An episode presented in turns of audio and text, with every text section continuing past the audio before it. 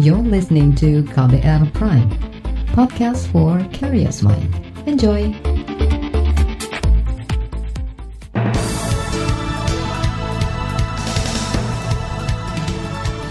Halo, selamat pagi saudara, selamat pagi Indonesia. Senang sekali rasanya saya Reski Mesanto hadir kembali pagi hari ini di program Buletin Pagi edisi Selasa 17 November 2020. Pagi hari ini sejumlah informasi telah kami siapkan untuk Anda. Di antaranya, dua Kapolda dicopot karena dianggap membiarkan kerumunan massa pendukung Rizik Sihab. Guru honorer akan dapat bantuan subsidi upah 1,8 juta rupiah dan jumlah pengungsi Gunung Merapi terus bertambah. Saudara, inilah buletin pagi selengkapnya. Terbaru di buletin pagi. Saudara, Kepala Kepolisian Indonesia Idam Aziz mencopot dua kepala kepolisian daerah atau Kapolda karena dianggap membiarkan terjadinya kerumunan massa pendukung pemimpin FPI Rizik Sihab. Juru bicara Mabes Polri Argo Yuwono mengatakan, Kapolda yang dicopot adalah Kapolda Metro Jaya, Nana Sujana, serta Kapolda Jawa Barat, Rudi Sufariadi. Argo mengatakan dua jenderal polisi itu dicopot dari jabatannya karena tidak melaksanakan perintah terkait pengamanan protokol kesehatan. Bahwa ada dua Kapolda yang tidak melaksanakan perintah dalam menegakkan protokol kesehatan, maka diberikan sanksi berupa pencopotan yaitu Kapolda Metro Jaya. Kemudian yang kedua adalah Kapolda Jawa Barat. Juru bicara Mabes Polri Argo Yuwono menambahkan, Mabes Polri juga akan memanggil dan meminta keterangan sejumlah pihak terkait pelanggaran protokol kesehatan di acara Rizik Sihab. Pemanggilan antara lain kepada Gubernur DKI Jakarta Anies Baswedan, Satgas COVID-19, Wali Kota Jakarta Pusat, FPI hingga Ketua RT dan RW.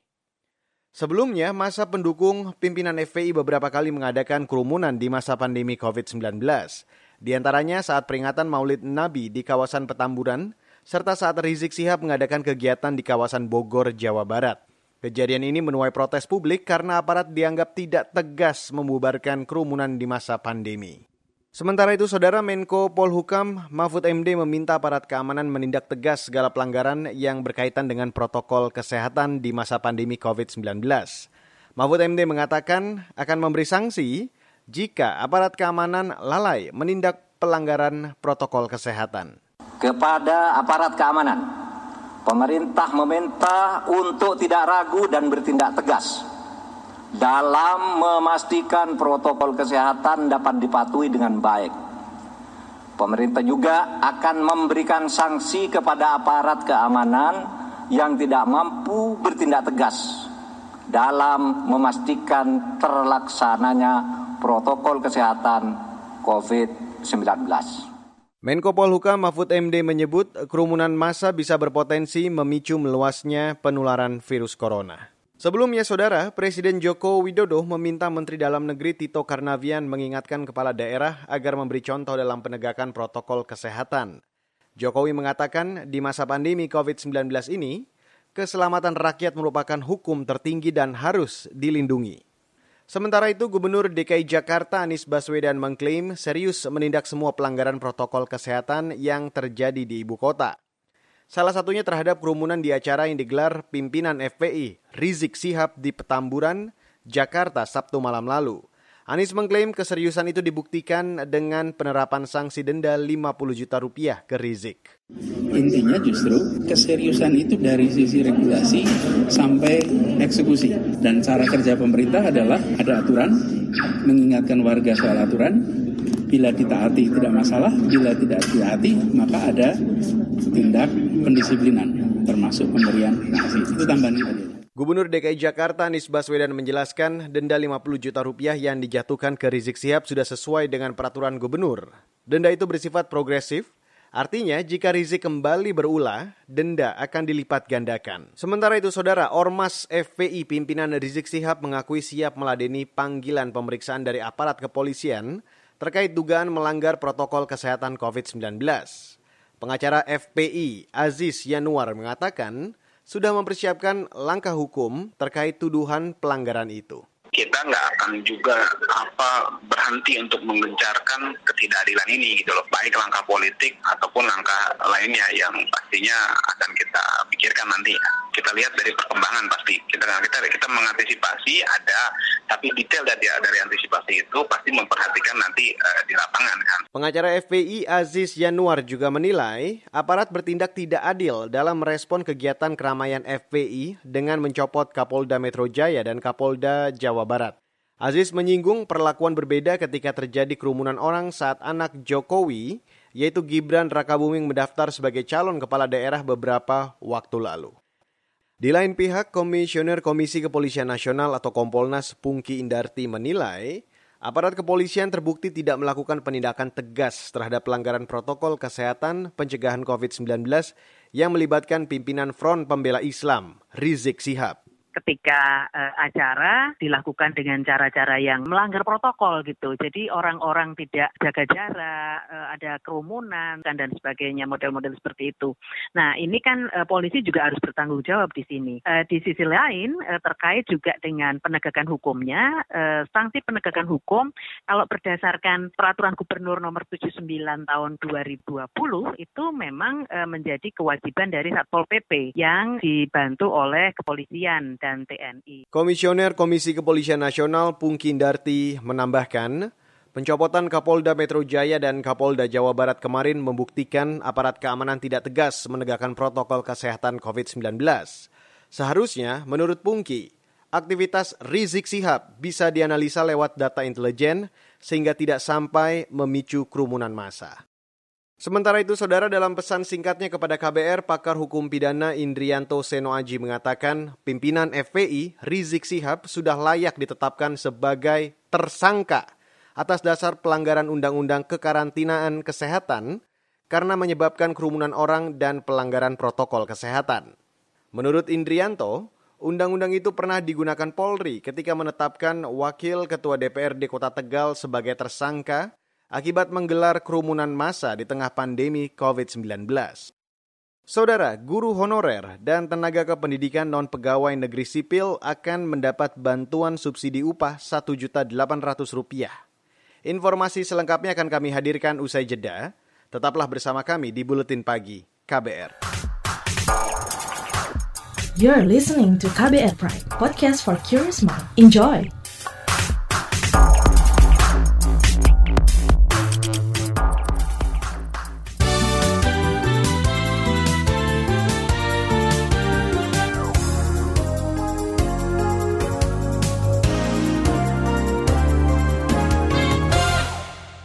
Selamat pagi untuk Anda yang baru saja bergabung bersama kami pagi hari ini. Saya Reski Mesanto menemani Anda beraktivitas di pagi hari ini melalui Buletin Pagi KBR. Saudara, Kementerian Pendidikan dan Kebudayaan bakal segera menyalurkan bantuan subsidi upah atau BSU bagi guru honorer dan tenaga pendidikan non-PNS. Hal itu disampaikan Menteri Pendidikan dan Kebudayaan Nadiem Makarim saat rapat kerja dengan Komisi Bidang Pendidikan DPR hari ini. Nadi mengatakan bantuan berupa uang tunai sebesar 1,8 juta rupiah itu nantinya hanya disalurkan satu kali. Sebesar 1,8 juta rupiah yang akan diberikan satu kali untuk kita memastikan bahwa guru-guru honorer kita dan tenaga pendidik kita mendapatkan bantuan yang penuh dan adil, kita memberikan sekaligus bantuan itu serentak kepada seluruh tenaga honorer kita, pendidik non-PNS dan tenaga pendidikan. Menteri Pendidikan Nadiem Makarim menyebutkan tenaga pendidik yang akan mendapat bantuan di antaranya guru, dosen, guru non-PNS yang ditugaskan sebagai kepala sekolah, pendidik PAUD hingga guru pendidikan kesetaraan. Sementara itu tenaga kependidikan honorer yang mendapat bantuan di antaranya tenaga perpustakaan, laboratorium, dan tenaga administrasi. Untuk program bantuan ini, total anggaran yang akan dikeluarkan pemerintah yakni sebesar 3,6 triliun rupiah. Saudara, DPR tidak satu suara terkait rancangan undang-undang ketahanan keluarga. Anggota Badan Legislasi DPR, fraksi Partai Golkar, Nurul Arifin, meminta pembahasan rancangan undang-undang ketahanan keluarga dihentikan. Menurut Nurul Arifin, pembahasan RUU itu tidak ada pentingnya Substansi dalam draft RUU itu sudah ada dalam undang-undang sebelumnya, seperti undang-undang tentang perkembangan kependudukan dan pembangunan keluarga sejahtera. Tidak perlu karena ada undang-undang lain yang sudah sudah existing dan kemudian sudah uh, mewakili dari uh, substansi yang ada ada di uh, RUU ketahanan keluarga ini begitu. Anggota Badan Legislasi DPR dari fraksi Golkar, Nurul Arifin menambahkan, regulasi lain yang mengatur tentang keluarga juga sudah ada di Undang-Undang tentang Perkawinan. Sebelumnya, DPR kembali melakukan pembahasan terhadap RUU Ketahanan Keluarga. Dan dalam rapat panja RUU, Badan Legislasi melakukan harmonisasi pasal-pasal pada draft RUU tersebut. RUU Ketahanan Keluarga ini diusulkan Lydia Hanifa dan Neti Prasetyani dari PKS, Sodik Mujahid dari Gerindra dan Ali Taher dari PAN. Saudara Komisi Pemberantasan Korupsi atau KPK menindaklanjuti laporan mengenai dugaan gratifikasi terhadap Menteri Perencanaan Pembangunan Nasional Suharso Monoarfa dengan memeriksa saksi pelapor. Pelapor adalah anggota Majelis Pakar Partai Persatuan Pembangunan atau P3 Nizar Dahlan. Dalam pemeriksaan kemarin, Nizar mengatakan telah menyerahkan sejumlah barang bukti ke KPK mengenai dugaan gratifikasi terhadap Suharso yang juga menjabat pelaksana tugas Ketua Umum P3. Pesawat pribadi itu dipinjam. Tuh, sama saya ada barang bukti bahwa ada surat ini dari Bapenas. Ya, surat Bapenas, surat uh, pemberitahuan dari Bapenas bahwa Menteri Bapenas akan melakukan perjalanan dinas ke Semarang. Padahal di Semarang itu ada pertemuan DPW P3 seluruh Indonesia. Itu supaya diladeni nanti di siapa di lapangan terbang Ayani Semarang. Anggota Majelis Pakar Partai Persatuan Pembangunan Nizar Dahlan menambahkan, Suarso Monoarfa juga diduga menerima gratifikasi sewa pesawat jet pribadi untuk berkegiatan ke sejumlah kota seperti Medan, Aceh, Jambi, dan Surabaya. Nizar menyebut Pelaporannya itu antara lain juga untuk menyelamatkan marwah atau kehormatan P3. Kita beralih ke berita mancanegara. Saudara ribuan orang mendukung usulan referendum yang diajukan petani Swiss untuk menolak impor minyak sawit dari Indonesia. Mengutip Swiss Info, kemarin usulan jejak pendapat menolak impor minyak sawit dari Indonesia diajukan Serikat Tani Swiss, Uniter, dan seorang petani anggur. Mereka mendaftarkan gagasan jejak pendapat itu kepada Mahkamah Federal di kota Bern. Usulan referendum itu didukung sekitar 50 organisasi dan 59 ribu tanda tangan dukungan. Dan dalam sistem demokrasi di Swiss, masyarakat atau individu diperbolehkan menolak aturan atau kesepakatan yang dilakukan oleh negara. Para pendukung referendum berkeras bahwa industri sawit di Indonesia akan berdampak buruk bagi iklim dan lingkungan, serta bagi petani kecil dan masyarakat adat. Kita beralih ke berita olahraga saudara, Ketua Komite Olimpiade Internasional atau IOC Thomas Bach mengakui sangat yakin para penonton Olimpiade Tokyo tahun depan bisa menyaksikan berbagai pertandingan secara langsung. Bach kemarin bertemu Perdana Menteri Jepang Yoshihide Suga. Keduanya membahas tindakan pencegahan virus corona saat nanti Olimpiade dilangsungkan tahun depan.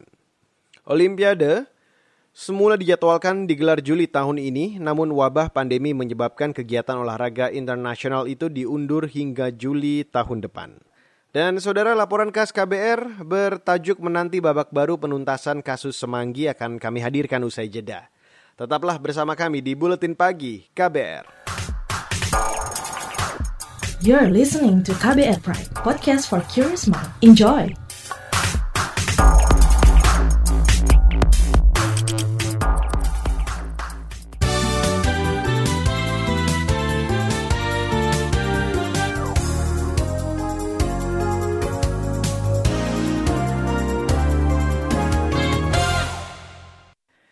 Saudara, asa keluarga korban kasus Semanggi 1 dan 2 kembali menguat usai Jaksa Agung dinyatakan melakukan perbuatan melawan hukum oleh Pengadilan Tata Usaha Negara Jakarta.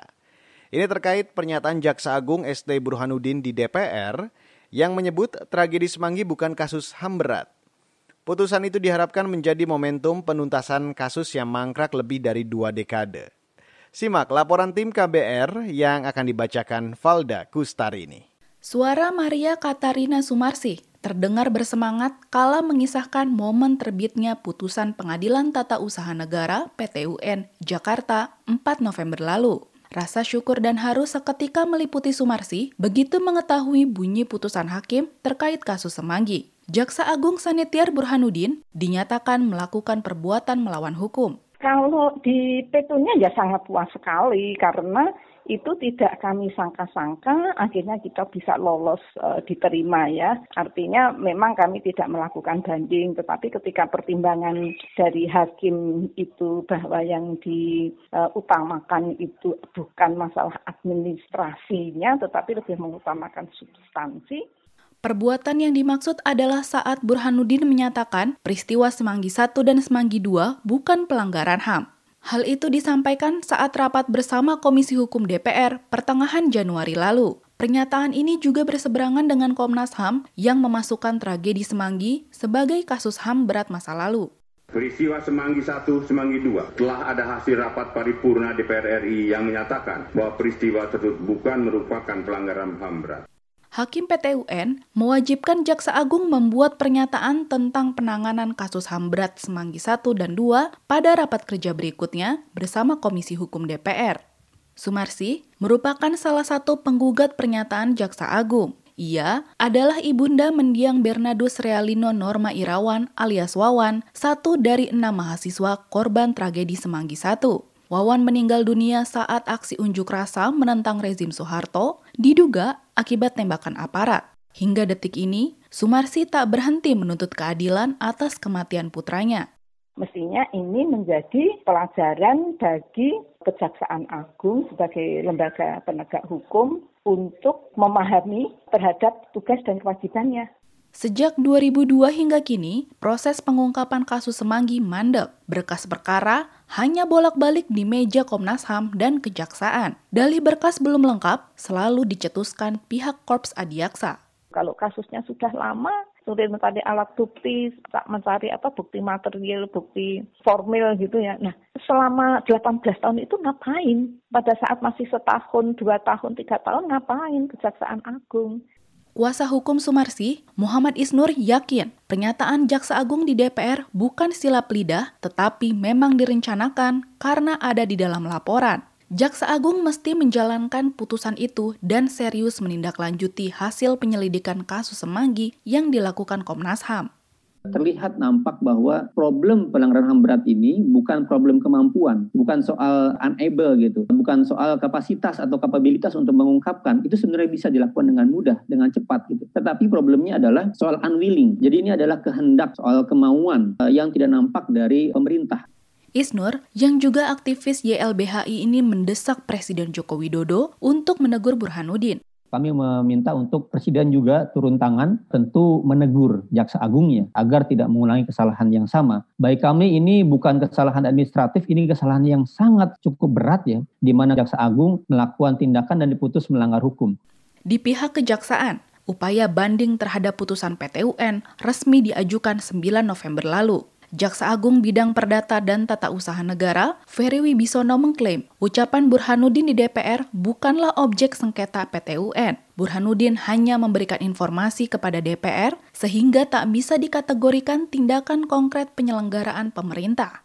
PT UN Jakarta dalam memeriksa dan mengadili perkara ini banyaknya kewajiban pemeriksaan alat bukti yang tidak dilakukan oleh pengadilan PT UN Jakarta dan banyaknya kesimpulan-kesimpulan yang dibuat tidak berdasarkan kepada alat bukti yang ada. Sementara itu, Ketua Komisi Kejaksaan Barita Simanjuntak mengklaim sejak lama merekomendasikan agar kasus-kasus HAM masa lalu segera dituntaskan dan dibawa ke pengadilan HAM ad hoc. Namun, secara prosedur, upaya ke arah sana membutuhkan dukungan politik dari DPR. Sebagai alternatif mengatasi kebuntuan, Barita mendukung penyelesaian kasus lewat pembentukan Komisi Kebenaran dan Rekonsiliasi KKR Untuk itulah perlu ada keputusan politik. Mau seperti apa diselesaikan? Apakah Komisi Kebenaran dan Rekonsiliasi yang itu dibuat lagi undang-undangnya sesuai dengan petunjuk dari Mahkamah Konstitusi seperti apa? Apakah itu perlu ada peradilan HAM ad hoc luar biasa supaya keterkaitan dan keterbatasan berkaitan dengan alat-alat bukti itu bisa diselesaikan? Demikian laporan tim KBR, saya Valda Kustarini. Saudara, informasi dari daerah akan kami hadirkan usai jeda. Tetaplah bersama kami di Buletin Pagi KBR. You're listening to KBR Pride, podcast for curious mind. Enjoy!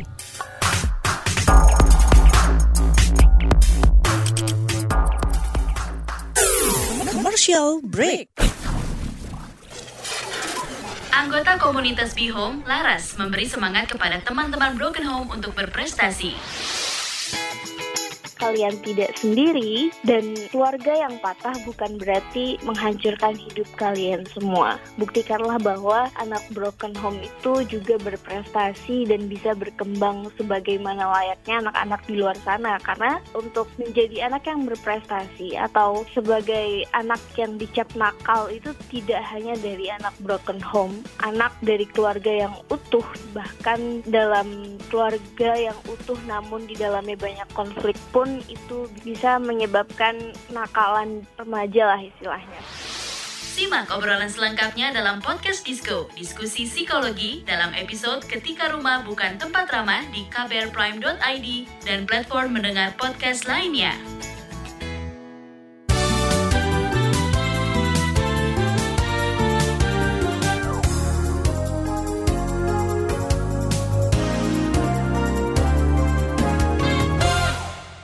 Saudara, inilah bagian akhir buletin pagi KBR. Kita ke Jawa Tengah, jumlah warga yang mengungsi akibat peningkatan aktivitas Gunung Merapi terus bertambah. Juru bicara Palang Merah Indonesia atau PMI Provinsi Jawa Tengah Muhammad Nasir menyebutkan, jumlah pengungsi paling banyak berasal dari Magelang dengan lebih dari 800 orang, disusul warga dari Klaten dan Boyolali itu 1.403 jiwa. Kan prioritas saat ini yang rentan dulu, Mbak. Yang rata-rata balita, ibu hamil, sama lansia, serta disabilitas. Makanya di Kabupaten Magelang ada 9 lokasi pengungsian. Ya, kalau kami sih memang lebih fokus di sosialisasi protokolnya, Mbak. Cara kami masih piketing aja sih, Mbak. Karena situasinya kan masih mandali ini kan. Juru bicara PMI Provinsi Jawa Tengah Muhammad Nasir menambahkan, warga desa yang diungsikan adalah yang berlokasi di kawasan rawan bencana atau KRB 3 atau berjarak 5 km dari puncak Merapi. Mereka tersebar di 16 lokasi pengungsian. Sejak 5 November lalu, status Gunung Merapi dinaikkan dari waspada ke siaga karena terus meningkatnya aktivitas vulkanik yang berpotensi terjadi erupsi. Saudara, dua paket narkoba gagal diselundupkan ke Lembaga Pemasyarakatan Jombang, Jawa Timur. Kepala Lapas Mahendra Sulaksana kemarin menjelaskan, paket narkoba coba diselundupkan melalui kemasan kerupuk kering. Tidak diketahui siapa pengirim paket tersebut. Tim menggeledah barang titipan yang satu kresek itu isinya kerupuk dan makanan. Pada dicek di kerupuk itu yang menitipkan datang, setelah dicek ketat yang menitipkan kok terburu-buru akhirnya tim juga mencurigai dipencet satu persatu kerupuknya ternyata di dalam kerupuk itu ada dua plastik hitam yang ditaruh di dalamnya kerupuk direkatkan kembali itu. Kepala Lapas Jombang Mahendra Sulaksana menambahkan, barang bukti hasil penemuan dua paket narkoba dalam kemasan kerupuk kering itu sudah diserahkan ke Satres Narkoba Polres Jombang. Mahendra berjanji pemeriksaan paket-paket kiriman untuk warga binaan akan terus ditingkatkan. Dan saudara informasi tadi akhirnya menutup buletin pagi hari ini edisi 17 November 2020. Dan untuk Anda yang terlewat siaran pagi hari ini, Anda kembali bisa mendengarkan di podcast Buletin Pagi di kbrprime.id. Pantau juga informasi terbaru melalui kabar baru setiap jamnya situs kbr.id, Twitter kami di account at berita KBR, serta sekali lagi saya ajak Anda untuk mengunjungi news on demand kami di podcast kbrprime.id atau platform mendengarkan podcast lainnya. Saya Reski Mesanto, mewakili tim redaksi yang bertugas pagi hari ini. Kami undur diri. Salam.